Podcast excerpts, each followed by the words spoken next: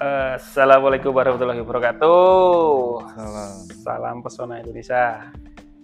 Sore ini saya bersama Pak Kepala Bidang Pariwisata Kabupaten Klaten. Sugeng sonten Pak Bur. Wilujeng sonten Mas. Alhamdulillah. Sehat Pak? Alhamdulillah sehat. Aduh, ini lama ndak sowan ini Pak. Iya, Ngapunten. Mas Restu udah lama sekali nggak ke kantor dinas rasanya kangen juga. Selama gak jagongan-jagongan ya biasanya dulu ini agar sore Ngopi-ngopi. Iya. iya Mas. Sehat Pak, alhamdulillah. Kapan ngopi lagi? Is, nanti nunggu Mas Son seloy. Lah, dilep ya apa? Swadut. Pak, ini aduh Pak, kita lihat after pandemi tuh Pak. Iya. Kayaknya pariwisata rame ya. Nek dari kondisi sekarang Klaten setelah pandemi dan sebelum pandemi Pak, oh, ada kaca enggak Pak? Ada selisihnya enggak dari sisi kunjungan dan aktivitas wisata? Iya, yang jelas beda lah Mas. ya toh? Masa pandemi Eh, dan setelah saat ini Eh. endemi ya eh, dan pembatasan-pembatasan itu kan sudah dicabut. hmm, Jadi masyarakat ini lebih leluasa untuk bergerak, untuk berekreasi, berwisata, berkumpul seperti itu. Jadi memang eh, ya beda, kita kelihatannya udah mulai Ya. jalan gitu ya. ya. Apalagi eh, waktu pandemi Heeh. Itu kan ada pelonggaran ya. Betul. Nah masa-masa itu luar biasa kunjungan wisata di Klaten itu. Justru ya Pak ya. Justru karena mereka kangen untuk berekreasi. Wah, Nah, eh, setelah ini, ini landai, Mas. landai malah Pak. Ya, saat ini masih eh, kondisinya melandai, malah. Mungkin karena ini ya eh, kota-kota lain itu kayak Jogja dan Solo. Nah, Klaten kan posisinya ada di persilangan ya. Ada Jogja, ada Solo. Apakah itu pengaruh Pak Iya. dari tingkat kunjungan dulu? Enggak juga sih. Enggak ya? Gini, masalahnya eh, apa ya? Ini ini eh, menurut penerawangan saya. ya. Eh, Jadi eh, memang kunjungan wisatawan di seputar ini, hmm. Klaten, Jogja, Solo ini agak menurun, Bang. Hmm, malah nih Pak. ya? Iya. Jogja juga kemarin sambat Mm-mm. sempat sambat ya Iya. dari Ngarso Dalem itu Sri Sultan Gubernur eh, beliau menyampaikan bahwa oh dan juga pelaku-pelaku teman-teman bahwa okupansi hotel di puncak libur panjang ya turun. Ini kenapa? Apa karena Solo sedang naik gitu? atau memang eh, ada kejenuhan atau gimana Mbak analisanya? Karena kalau ngomongin wisata Klaten nggak akan lepas dari dua kota itu. Menurut Ya, saya sih. Mungkin apa ya, Mas? Eh, karena memang krisis global itu ya mungkin ya. pengaruh ya. Ya, mempengaruhi untuk kunjungan wisatawan. Banyak sekali tempat-tempat wisata di Klaten itu semua sambat sepi, Sambat sepi. sambat sepi. Kita sebut lah ya. Yang sempat booming ada Pul Ponggo. Terus oh ini yang sempat ramai apa mas? Pasang. Ya, pasang. Kemarin di rame viral loh pak itu pak iya, di Instagram itu. iya, luar biasa. postingannya eh, maksudnya setelah tingkat apa puncak kunjungan yang cukup lumayan tinggi kemudian ada salah satu influencer yang posting eh, dulu dan sekarang Iya. Kondisinya saat ini memang ya rata-rata sepi lah. Hmm. Tidak hanya di Kir Pasang saja. Hmm. tidak hanya di eh, Ponggok, tapi secara umum objek-objek wisata itu eh, menurun untuk kunjungan wisatanya. nah ini ini kalau kalau kita bicara kekuatan pak kekuatan Klaten itu sebenarnya di mana pak Ya, kalau bicara kekuatan wisata di Klaten ya, kalau di, eh, wisata di Klaten ya untuk wisata budayanya ya, budaya budaya di samping itu ada wisata alam dengan eh, seribu mata airnya mata air ya. itu isunya menarik ya tapi eh, ya untuk saat ini yang yang diminati juga itu air mas Air, ya. karena di Jogja di Solo tidak ada air, yang ya. ada eh, sumber mata air seperti di Klaten ini Iya, setuju sih Pak. Bahkan apa ya? Saya kira menurun iya. Meskipun angkanya saya belum cek secara pasti karena itu harus pendekatannya apa ya? Kuantitatif. Tapi kalau kita bicara tentang kekuatan, kekuatan itu kan di luar apa namanya?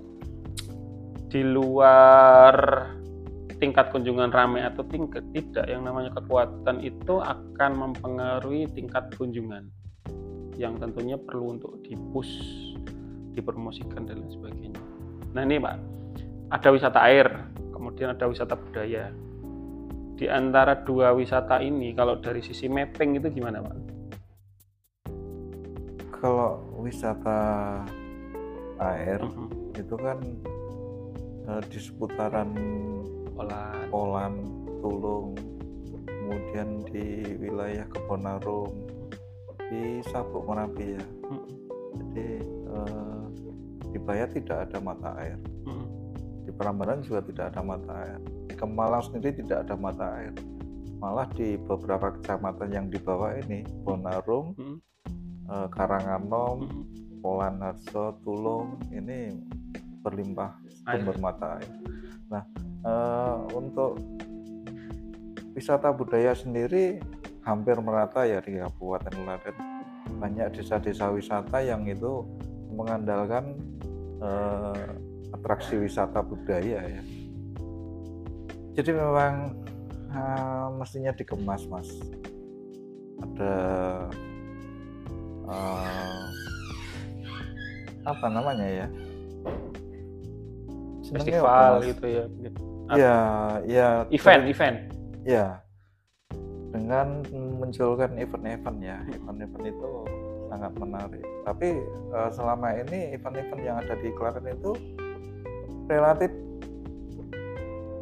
belum bisa mendongkrak kunjungan kunjungan wisatawan yang dari luar kota. Sifatnya masih temporary ya eh, apa? regional ya.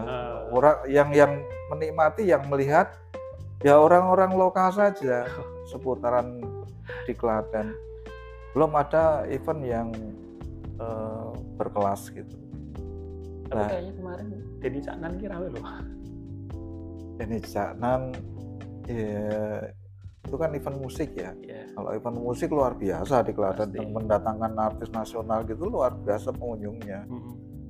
tapi untuk untuk eh, event-event yang lain memang perlu ada pemikiran Mhm. biar tidak terlalu banyak event tapi event itu berkualitas. Mantas lah. Iya. Contoh pak untuk wisata budaya. Kan gini ya. Saya kalau saya menilai ini sebagai warga Klaten kan melihat Candi Plausan sisi paling barat dari Klaten lah yang beririsan dengan Jogja di kemudian di utara itu ada sekitaran wisata air Pohon Harjo Bonggo. Ini penilaian saya pak ya. Menurut saya kalau Plausan itu kan punya potensi ya. Nah ini dari sisi pengelolanya dulu Pak, kemudian promosi kira-kira menurut panjenengan. iya. Eh, memang ya. Saya sendiri masih masih berpikir kenapa Candi Prambanan ya. Kita caranya agak ke Mm-mm. barat yang Mm-mm. Candi Prambanan aja itu kan merupakan magnet ya. Magnet bagi wisatawan untuk datang ke Candi Prambanan. Dan pengunjungnya juga luar biasa. Tapi kenapa mereka itu tidak bisa eh, kita ajak kita tarik ke sisi timur nah ini menjadi PR bagi kita semua agar eh, Prambanan itu menjadi pintu masuk bagi wisatawan Hmm. yang dapat masuk Ke ke wilayah Klaten. juga, ya. Ini nganu loh, kalau saya lihat ya beberapa kali saya punya peluang bawa tamu tuh dengan tingkat selisih harga tiket Prambanan tuh 50.000 ribu loh pak tiket Betul, masuk betul. Prambanan tiket masuk 50.000 dan untuk beberapa karakter wisatawan yang memiliki kendala usia dan kesehatan. Ini saya kan sebagai warga Klaten piye carane yo narik wisatawan tuh masuk Klaten. dengan kita sampaikan bahwa kalau kita masuk ke Prambanan dengan usia range tamu di atas 45, 50 tahun, ke 60 tahun di mana mereka jalan kaki dari pintu masuk sampai ke komplek candi utamanya saja itu kadang sudah kesulitan. Nah, akhirnya saya kasih uh, opsi Hmm. beberapa kali ini sudah saya lakukan. Kita kasih opsi bagaimana kalau kita kunjungannya ke Candi Pelausan. Ini candi dengan narasi sejarah yang cukup bagus. Untuk masuk komplek candinya itu nggak perlu jalan jauh, Pak. Iya, bisa dilihat dari luar.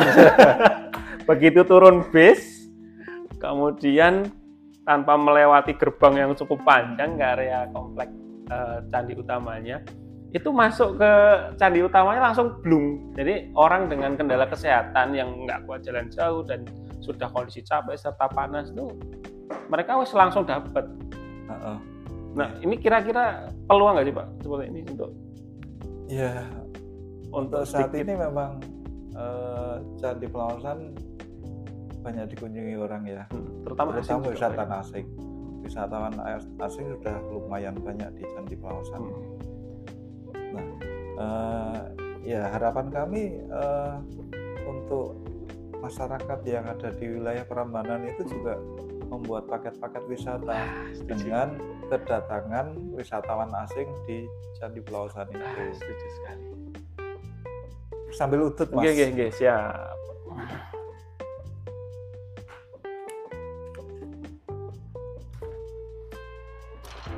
Menarik loh Pak. Jadi eh, saya melihat wah ini seharusnya peluang nih. Orang wis ora perlu aduh-aduh jalan kaki menikmati ya Candi Prambanan itu salah satu candi Hindu yang besar. Tapi kadang kita sebagai pemandu wisata kan melihat kemampuan wisatawan. Kalau memang sudah nggak kuat masuk, eh, gimana caranya kita berikan opsi atau alternatif supaya orang tidak kehilangan momentum menikmati candi tetapi dengan cara yang lebih simpel dan mudah. Dan itu tak alami beberapa kali ya jalan pak Iya. Jadi eh, memang perlu apa na- namanya eh,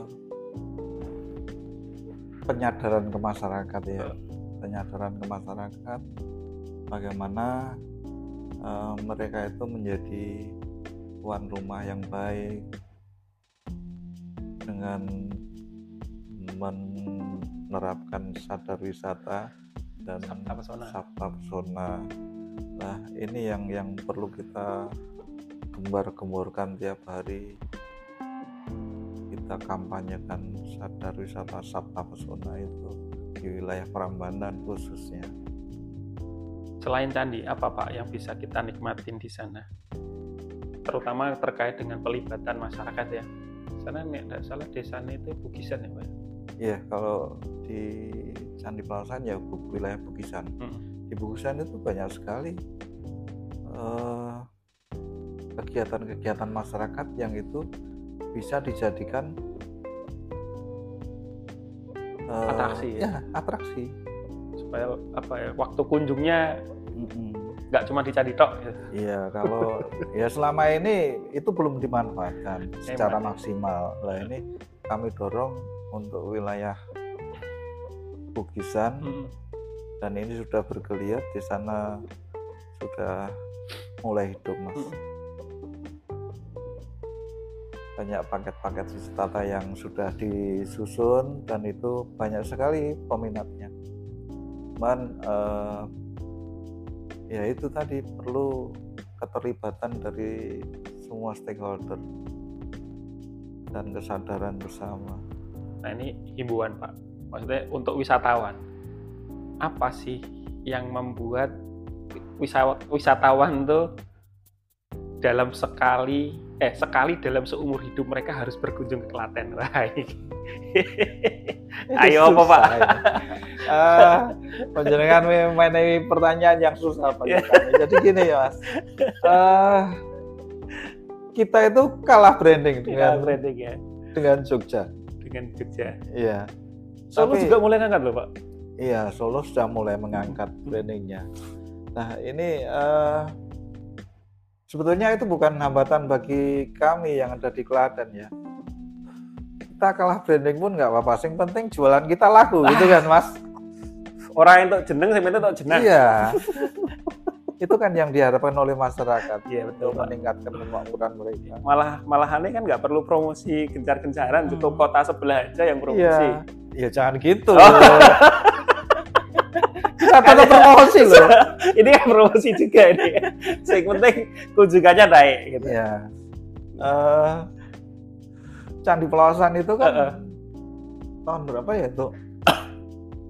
Mendapatkan 2022 anugerah ADWI. dari bukan eh, bukan dari ADWI, Ista. API, Oh API Anugerah Pesona Anugerah. Pesona Indonesia. Itu untuk candinya Juara satu ya. juara dua atau tiga Juara itu dua. ya.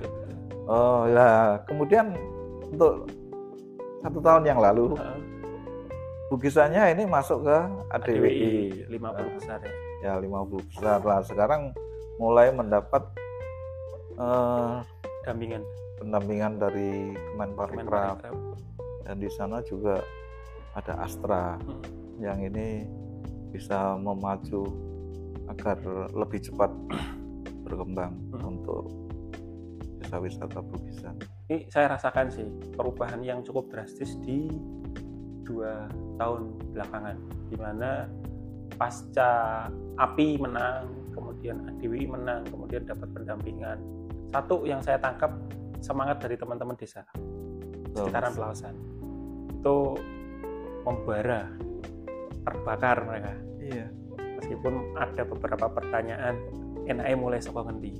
Tapi dengan pendampingan-pendampingan itu eh, ketika saya bawa tamu ke sana itu eh, sudah banyak yang berubah dari si pelayanan. Jadi mereka udah mulai kreatif, kemudian kemasan-kemasan produknya sudah mulai diperbaiki. Itu itu pengalaman saya sih pak. Jadi beberapa kali saya bawa tamu tuh in the end ketika besok nih tanggal 29 September ada tamu dari Jakarta. Kita udah ajak masuk ke sana, bahkan tamunya kita presentasikan desanya, Pak. Hmm. Dan alhamdulillah tertarik. Yang akhirnya candi itu harusnya menjadi daya tarik utama, terbalik. Justru atraksi desanya seperti bikin empeng, Iya. naik gerobak sapi, Iya. eco print, kemudian pring Pahat. sedapur, pahat, itu jadi aktivitas half day di Bukisan dan Candi Pelawasan hanya pelengkap kunjungan. Iya. Itu menarik. Paling enggak Bukisan itu kan sudah punya ikon dulu. Iya, Mas. betul betul. Candinya itu tidak bisa lepas dari itu, Mas. Mm. Jadi eh, bagaimanapun keberadaan Candi Pelawasan di Bukisan itu menjadi daya tarik Magnet ya. Bagi wisatawan untuk berkunjung ke sana. Nah di sana sudah ada paket-paket wisata, nah, mereka bisa ditawarkan untuk membeli paket itu. Hmm. Nah harapan kami tidak hanya Bukisan mas Hmm. yang bisa menikmati kue, Kue ini. ini ya. Iya. Saya ke, ke utara Nah, utara ya, ke timur. desa-desa wisata yang lain pun akan terangkat. Betul. Nah sekarang eh, di wilayah Candi Sojiwan Mm-mm. di Kebon Dalam Kidul itu Berarti arah mananya Arah candi selatan. Selatannya. selatan selatan Candi Pelawasan itu sudah bergerak juga. Di sana juga ada ikonnya kan Candi Sojiwan dan kemarin sudah di launching eh, makanan raja-raja Mataram kuno Mahamangsa. Mahamangsa. Ini luar biasa. ini eh, banyak diminati juga. Itu saya nyoba juga, udah nyoba. Mm. Mahamangsa. Experience-nya cukup luar biasa. Bisa menikmati dinner dengan sajian khas raja-raja kuno yang tidak hanya diklaim tapi berdasarkan studi Mm-mm. yang dilakukan oleh teman-teman dari mana ya dari UGM kalau nggak salah ya Iya. Dan itu harusnya jadi paket yang menarik sih jadi semoga Klaten nggak cuman dilewati ya pak ya uh, iya untuk saat ini Klaten memang sudah banyak dilirik untuk wisatanya Hmm. jadi dulu hanya Ponggok saja Hmm. tapi sekarang sudah banyak bermunculan destinasi-destinasi wisata tempat kuliner yang sangat menarik Baik, saya belum belum merambah yang lain masih di Pelausan. Kalau dari Pelausan, Mbak, selain Pelausan, Bugisan, Sojiwan, ada nggak rute yang memungkinkan orang itu menghabiskan satu hari di Klaten? bisa Habis. mas bisa Mana aja? di sana kan ada pereng Mm-mm. ada eh, kebun dalam gitu ada bukisan ada telogo Telogo, iya telogo dengan empat desa ini pun sebetulnya bisa seharian di situ, Pak. ya? seharian bukan hanya seharian Eh, Dua hari nginep. dua hari nginep di situ bisa Bisa. Aktivitasnya apa, Pak? Eh, di sana kan ada banyak sekali sendera tari Hmm. yang bisa dinikmati kemudian ada eh, gamelan yang ini bisa eh, untuk edukasi kemudian Batik. iya Batik ada ada ya? batik batik pun di sana ada batik batik jemputan Mm-mm. ada batik ekoprint Print. ya yang di Se- sejiwan itu batik batik ya kayak Mas. Iya, nyanting. Dan itu mengambil uh, motif atau relief dari candi Sojiwan. Sejiwan. Papel berarti, Pak ya. Ya. Oke, sip. Mantap ya. Makin hangat, tapi waktunya terbatas. Yang sisi utara, Pak. Solo. Ya, Solo nih. Kok sisi utara ya? Sisi timur, Pak. ya? Sisi timur kalau Sisi Solo timur ada ya. Solo nih. Kita kalau tadi yang mepet Jogja. Tapi Klaten Tengah nanti aja. Sisi sisi timur, sisi timur kan yang lagi booming Masjid bin Zayed ya. Iya. Masjid bin Zayed. Mungkin nggak orang datang ke Masjid bin Zayed, tapi pada akhirnya kalau cuma datang ke masjid itu kan kurang. Mampir ke Klaten mungkin nggak? Sangat mungkin, Mas. Ke mana aja? Eh, ke wisata Tirta, Mas. Wisata Tirta. Wisata Tirta. Oke. Di sana banyak sekali wisata Tirta yang eh, sangat menarik untuk dikunjungi. Jadi eh, kalau di Solo kita tidak bisa mandi, Mm-mm. Mandi ciblon. Ya, bisa. Nah, di wilayah Klaten sisi timur ini untuk Jiblon sangat luar biasa banyak pilihan, Mas. Eh, kalau wilayah timur wisata Tirta itu ada Umbul Ponggo, ada Umbul Manten, ada Umbul Pelem, Mm. ya, kan? ada Umbul Cokro, Hmm. banyak mas. Wah, nek saya bayangin Pak, wong ning masjid itu kan orang datang ke masjid itu kan pasti dalam kondisi bersih ya. toh. Ya. Umpamanya pagi orang masuk Klaten, mandi-mandi, bersih-bersih, ciblon-ciblon. Nanti after lunch setelah makan siang di sekitaran kota Klaten terus datang ke Masjid Zayed mereka sholat ning kono dalam kondisi bersih kondisi rapi kata ya masuk ya Masuk, masuk, Masuk itu, banget Mas. ya, Pak, ya? Iya. Jadi eh, memang untuk saat ini kami mengembangkan, coba mengembangkan, menata eh, potensi-potensi yang ada di Klaten. Kita susun dalam satu paket-paket wisata yang itu eh, agar bisa wisatawan itu berkunjung ke Klaten tidak hanya datang mandi Mm-mm. pulang atau apa terus pulang. Mm. Jadi eh, dengan paket lintas atau paket kawasan ini mereka akan bertahan di situ untuk stay tinggal di situ. length of stay-nya Ya. lebih ya, lebih lama lah tinggal stay-nya. sehingga spend money-nya itu belonjonya lebih oke ya Pak. Iya. Wisatawan bisa makan-makan di tempat-tempat kuliner yang sangat menarik di sana. Asik makan di pinggir bumbul Iya. kuliner ikan Kemudian kuliner Klaten tuh saya kira unik sih. Beda dengan Jogja, beda dengan Solo. Kuliner Klaten. Menurut saya karena pastinya strategis terus kita tuh ada di daerah persilangan yang memungkinkan kalau orang mau pulang ke arah utara ya makan malam makan siang di Klaten Iya.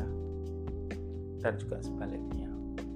Nah ini terakhir Pak, kira-kira untuk tawaran-tawaran untuk teman-teman pegiat, terutama travel agent dan juga pemandu, Pak. kira-kira himbauannya untuk datang ke Klaten seperti apa? Iya. Terakhir nih. Kami berharap eh, dari teman-teman semua itu bisa mengajak wisatawan untuk berkunjung ke Klaten ya, menikmati eh, destinasi yang ada, baik itu destinasi alam, budaya maupun buatan banyak di Klaten. Nah, eh, harapan kami ya ini tadi dengan mereka kita ajak ke sini, kita tunjukkan potensi yang ada di Klaten, biar mereka tertarik, kemudian mengajak wisatawan itu datang ke Klaten. Mantap. Oke lah Pak Matur Nuwun untuk sesi ngobrol-ngobrolnya sore hari ini. Nanti harapannya untuk teman-teman nih yang mendengarkan podcastnya Restu Blangkon sing biasanya sok bingung nyusun itinerary arep neng Prambanan kok tiketnya larang dan kebetulan tamune malas melaku Kilono Candi Plaosan Candi Plaosan, Candi Nah, Sojiwan. Candi Sojiwan. Ya, kok mereka pengen lama aktivitas budayanya banyak. Ya. Yang ke timur meh ke Masjid Zayed kok bingung nih masjid tok baru pasar Klewer ya bingung. Masih ada wisata Tirta pagi bisa diisi di sana. Dan itu ternyata saya akui sudah masuk pak patternnya.